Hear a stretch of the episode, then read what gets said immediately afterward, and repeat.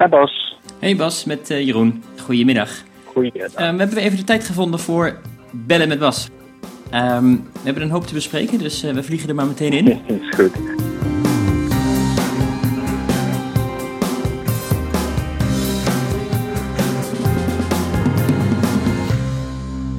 Sorry voor die, uh, voor die flauw woordgrap. Uh, maandag was je op de meetup in Amsterdam en je sprak daar over de petitie voor meer treinen en minder vliegen. Ja, nee, dat was, was een mooie bijeenkomst. ja, je, je voelde natuurlijk aan alles dat klimaat het, het campagnethema op dit moment is. En uh, nou ja, goed, als je het hebt over klimaat, dan, dan moet je het ook over de luchtvaart hebben. En uh, nou ja, dat doet mijn collega in de Tweede Kamer, Suzanne, die doet het al volop. En uh, nou, dat was hartstikke goed om dat ook daar en die avond in de Melkweg alweer te doen. Ja, precies. De video van, van die speech staat online. Die, dat linkje zetten we zo in de show notes. Dan kan iedereen nog verder, verder kijken. Had al even over Suzanne. Ze kreeg in de Tweede Kamer een meerderheid ook deze week voor haar voorstel om vluchten van Amsterdam naar Brussel te stoppen. Ik vroeg me af, dat, vliegen daar überhaupt nog vliegtuigen heen en weer? ja, die, die vliegen daar. Uh, dat is natuurlijk met name bedoeld voor overstap. Maar daar, dat, dat is nou precies de kern. Je wil eigenlijk dat er ook veel meer mogelijkheden komen om overstap te regelen met de trein. Ik bedoel, helemaal als je gaat kijken naar Schiphol. Daar uh, stopt een uh, prima snelle treinverbinding naar Brussel ja, zorg er nou gewoon voor dat je, dat je daar heel snel uh, op kan overstappen. Dan, dan is zo'n vlucht helemaal nergens meer voor nodig. En uh, gelukkig heeft de Kamer dat gesteund. Alleen ja, de minister heeft tot nu toe gedaan alsof daar in één keer het kabinet niets aan kan doen, omdat dat allemaal private besluiten zijn. Het is echt fascinerend hoe dit kabinet soms doet alsof iets puur privaat en puur aan marktpartij is en bij andere zaken wel volop gaan. Uh, aan het bijsturen is. Uh, dat is gewoon uh, waar je dus politieke prioriteiten legt. En het is gewoon heel duidelijk, dit kabinet heeft geen prioriteit bij het terugdringen van onnodige vluchten. Uh, wat wel leuk is, ondertussen heeft Groen in België ook een dergelijke resolutie, dergelijke resolutie ingediend. Dus nou ja, laten we hopen dat ook in België die druk wordt opgevoerd. Op een gegeven moment stoppen we met dit soort onzin korte vluchten. Precies.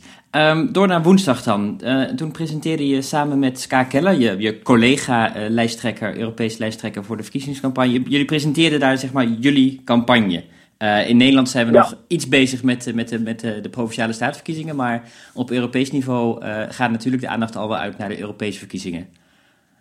Ja, dat merk je echt in alles. In Brussel uh, we zijn nu nog bezig met uh, ja, heel veel wetgeving afronden voordat voordat de, de, het parlement uh, zeg maar op uh, verkiezingsreces gaat. Uh, na deze week hebben we nog zes weken parlementair werk. Maar ondertussen voel je aan alles dat iedereen natuurlijk in campagnestand komt.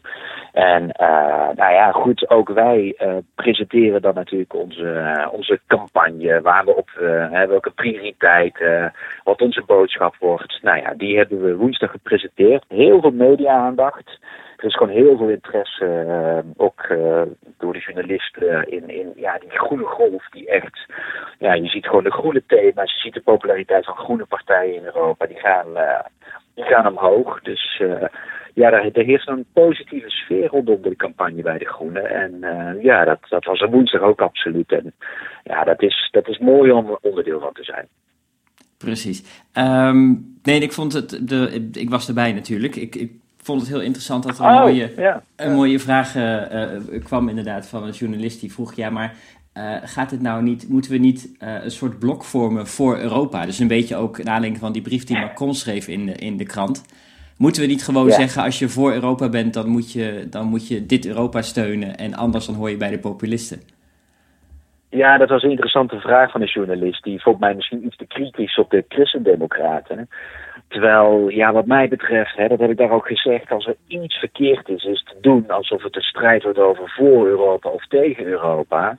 Want daarmee geef je eigenlijk het alleenrecht aan kritiek op Europa aan de populisten. Alsof de enige keuze dan is, oh ik ben kritisch op Europa, dus moet ik er maar uit blijkbaar. Ja, dat is natuurlijk uh, echt niet de campagne die we moeten hebben. En wij als Groenen zullen heel erg containen op uh, wat voor Europa we willen. En, en, en dat juist uh, het debat moet zijn met die andere partijen ook, zeker met de christendemocraten, die zijn verantwoordelijk voor dit Europa. En die moeten dat er maar eens uit uitleggen waarom ze continu aan dit Europa hebben gewerkt.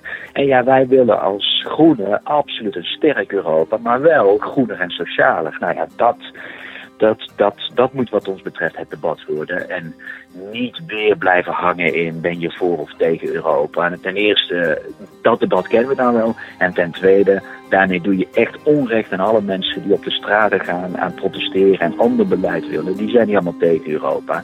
Die zijn hartstikke voor Europa, maar willen wel gewoon ander beleid van Europa.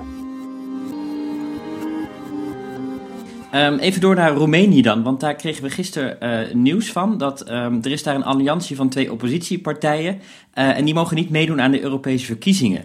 Nou is er nogal bureaucratisch uh, argument. Hun namen van de voorzitters die staan nog niet in een register van partijvoorzitters dat Roemenië blijkbaar, blijkbaar heeft. En dat register blijkt nu sinds 2016 niet meer bijgewerkt te zijn. En um, ja. nou goed, daardoor mogen zij niet meedoen. Het pikante detail is daar dat de twee regeringspartijen in Roemenië lid zijn van de Europese Sociaaldemocraten en de Europese Liberalen. Ja, dit is echt, dit, dit is zo belachelijk. Dit is dus een nieuwe, een nieuwe partij, een nieuwe coalitie van twee partijen. Uh, die allebei eigenlijk aan het opkomen zijn met toch een heel groot thema. Gewoon tegen corruptie in Roemenië. Dus uh, ja, dat vindt deze regering natuurlijk niet zo leuk. En ze verzinnen nu bureaucratische uh, argumenten om gewoon om, de, om, om hun deelname aan de verkiezingen tegen te houden. Ja, dat kan gewoon echt niet in, in deze EU. Dus dus uh, wij hebben ook echt streng opgeroepen, ook naar onze vrienden van de Sociaaldemocraten en Liberalen in, in Brussel. Van jongens, jullie, dit, dit zijn jullie partijen die dit, die dit in Roemenië aan het doen zijn. Dus uh, ik, ik hoop dat dit snel hersteld kan worden. Want ja, dit ruikt gewoon naar uh, een iets wat kritische oppositie uitschakelen. Ja, dat past gewoon niet in een Europese democratie. Nee, dit is echt zorgwekkend. We hebben het heel veel over Hongarije en Orbán. En blijven ze wel of niet bij de christendemocraten. Maar ondertussen gebeurt dit in Roemenië onder een, uh, onder een regering van sociaaldemocraten en liberalen. En dat laat zien dat, dat elke politieke familie eens even wat kritischer moet gaan kijken naar, uh, naar zijn eigen familieleden. Willen we echt geloofwaardig strijd voeren voor een, uh, voor een goed Europa, dan moeten al die partijen wat strenger naar hun eigen zusters en broeders gaan kijken. Ja, als we het toch hebben over, over zusterpartijen en zo. Uh, morgen ga je naar, naar Finland, want je spreekt op een bijeenkomst van de, van de Finse, Finse Groenen in Helsinki. En uh, net als bij ons hebben ze net uh, voor de Europese verkiezingen nog hun eigen lokale of landelijke verkiezingen. Um, en het ziet er goed uit volgens mij. Het zijn hun nationale verkiezingen hoor. Het zijn de nationale verkiezingen, ja precies, parlementsverkiezingen. Ja, nee, dat is uh, eh, 12 april volgens mij uit mijn hoofd. Maar uh, half april dus in ieder geval. Dus dan uh, gaan de Finnen nog naar de stembus. Dus morgen presenteren de Finnen hun kandidaat voor die nationale verkiezingen. En gaat er natuurlijk ook een debat plaatsvinden over klimaat en de urgentie om iets aan klimaat te doen. Ook echt een thema in Finland op dit moment. En nou ja, dit, dit, dit is ook echt het leuke om Europese lijsttrekker te zijn. Want dan, ja, je, je wordt gewoon uitgenodigd ook om, om bij dit soort campagneaftrappen te de, aanwezig te zijn en je steentje bij te dragen. En ja, het ziet er ook goed uit in Finland. Als je het hebt over groene golf, ja, het, het, het, ziet, er, het ziet er naar uit dat de Finse groenen zomaar eens straks ook in de Finse regering belanden. Overigens is de regering vandaag gevallen. Dus, uh, maar ja, dat zie je wel vaker vlak voor de verkiezing, dat de zittende coalitiepartijen niet echt toch de spanning, met elkaar Toch de spanning nog even oploopt, ja. Ja, dan, dan zie je ze toch nog, uh, zie je ze toch nog uh, in één keer heel erg principieel zijn. Dus het kabinet is gevallen, dus tot half april zit er een, uh, ja, zit er een soort interim regering. Maar ja, dit is, dit is het spel naar verkiezingen toe. En die beloven spannend te worden, maar beloven ook, ja, zien er goed uit voor de Finse Groenen, altijd afkloppen. Maar ik ga ja, morgen in Helsinki en hoop mijn steentje bij te dragen aan een goed Fins succes. Ja, we zullen het zien. Volgens de, de laatste peiling die ik online kon vinden, stonden ze nu op, uh, op 13,7 procent. Dus dat is een heel prima, prima resultaat volgens mij. En stijgende. En stijgende, altijd belangrijk. Oké, nou op zondag dan uh, hebben we in Amsterdam de, de grootste klimaatdemonstratie ooit. Dat ziet, er wel, uh, dat ziet er wel naar uit. Daar ben jij uiteraard bij. Ja, ja, ja, nee, absoluut. Het, het, ja, als je zo alle, alles ziet, lijkt het echt de grootste klimaatmars van Nederland worden tot nu toe. Dus dat is, ja, dat is echt gewoon goed. Je, je, ziet gewoon het thema leeft, mensen willen actie. Zijn het gewoon beu dat de politiek wel erover praat, maar gewoon uiteindelijk te weinig doet. En uh, ja, ik, ik hoop dat het echt een hele mooie mars gaat worden. Uh, waarin, waarin we gewoon zien hoeveel mensen een veel beter klimaatbeleid willen van deze regering en in Europa. Dus ja, ik, ik verheug me erop. Dat, dat, dat wordt volgens mij een, een, een mooie middag in Amsterdam. Ondanks het weer. Het weer is nog niet helemaal denderend volgens mij. Maar goed, dat, uh, dat doet er niet toe. Uh, in België in december was het ook ongelooflijk slecht weer. En uh, daar lieten 70.000 Belgen zich niet voor thuis laten zetten. Nee, nou, dat is een uitdaging die wij, die wij aangaan als, als Nederlanders. Altijd een beetje onderlinge concurrentie met de Belgen is volgens mij altijd, altijd wel goed. Ja, zeker. En, en als Nederland zijn gaan we, laten we ons toch niet door wat regen tegenhouden. Dat zijn we wel gewend, zou ik, zou ik zeggen. Um, Oké, dan maandag um, is het weer tijd om naar Straatsburg te gaan. Het is weer een, eh, een plenaire week in, uh, in Straatsburg. Um, het meeste gaan we dan volgende week wel even, wel even bespreken. Maar op maandagavond is er wel al een spannende stemming over wetgeving waar jij bij betrokken bent, over duurzame financiën. Ja, nee, dat gaat natuurlijk gewoon ondertussen ook door. Het is wel echt gekke werk eigenlijk. Hè? Je bent continu met of-campagne, dan heen en weer aan het reizen. En, en dan moet je ook nog gewoon uh, parlementaire werk doen. En maandag uh, spannende stemmingen ja, op, op duurzame financiering, waarin we dus eigenlijk ervoor willen gaan zorgen dat, dat voor veel helderder wordt geformuleerd uh, wanneer iets echt een groene investering is. Maar natuurlijk willen we ook dat duidelijker wordt wanneer iets heel duidelijk niet een groene investering is. En de financiële sector uh, lobbyt volop. Het is een, echt een lobbycircus is losgegaan uh, blijkbaar maken we iets los met ons dossier. Um, want eigenlijk die hele sector wil wel heel graag dat we natuurlijk veel regels maken voor wat een groene investering is. Maar, uh, zeg maar dat we ook maar enigszins gaan kijken in de hoek van, ja maar wacht even, als wij gaan kijken naar wat een groene investering is, moeten we misschien ook gaan identificeren wat een niet-groene investering is. Nou, daar doen we een paar voorzichtige eerste voorstellen voor. Nou, de financiële sector is in paniek. Want dat kan natuurlijk niet. Terwijl als je ze spreekt, zijn ze allemaal goed bezig. Maar als je dat probeert te reguleren, dan, uh, dan is de sector in paniek. Ja, dat laat zien hoezeer ook op dit dossier zo beter beleid nodig is. Maar ja, de lobby is krachtig. En we zien de christendemocraten, die hebben andere alternatieve voorstellen voor liggen. En het wordt een beetje spannend waar de liberalen zich gaan... Uh, zich gaan uh, uiten. Uh, het ziet er nou uit dat ze aan de goede kant gaan staan. Maar uh, ja, ik hoop dat het voor alle liberalen geldt, inclusief bijvoorbeeld een VVD. We zullen zien, we gaan het maandag, maandagavond in de gaten houden, sowieso.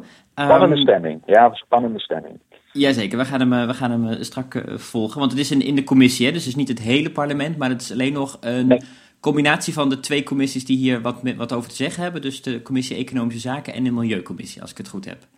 Absoluut. En uh, ja, ik was rapporteur, dus zeg maar de hoofdonderhandelaar namens de commissie Economische Zaken. Dus uh, nee, het is, het is wel weer een uh, hele spannende. En ja, het is een stemming van ja, onge ongeveer 100, iets meer dan 100 leden. En als die stemming goed gaat, dan gaan we daarna nog aan de plenaire. Oké, okay, nou ja, daar komen we dan ongetwijfeld volgende week op terug. Um, dat was het. Bedankt voor je tijd, Bas. Geen brexit? Um, nou ja, dat, dat is ook volgende week dat heel erg spannend wordt, volgens mij. Ik heb deze week nog niet echt heel veel verschuivingen gezien. Ik geloof dat May nog een, keer, nog een keer heeft voorgesteld of we toch nog als Europa nog iets kunnen, iets kunnen doen. Nee, ik, ik, was gewoon helemaal in de wacht. Geen brexit, geen brexit, jongens. Nee, maar dat klopt hoor. Het, het, het lijkt echt volgende week, uh, dinsdag, woensdag, donderdag, lijken spannende stemmingen ervoor te staan. Waarbij natuurlijk dinsdag de grootste vraag is: gaat mee alsnog een meerderheid voor haar deal krijgen? En als dat niet het geval is, dan woensdag de stemming of er dan maar geen deal moet komen. Nou ja, dat, daar zal zeker een meerderheid zich tegen verzetten.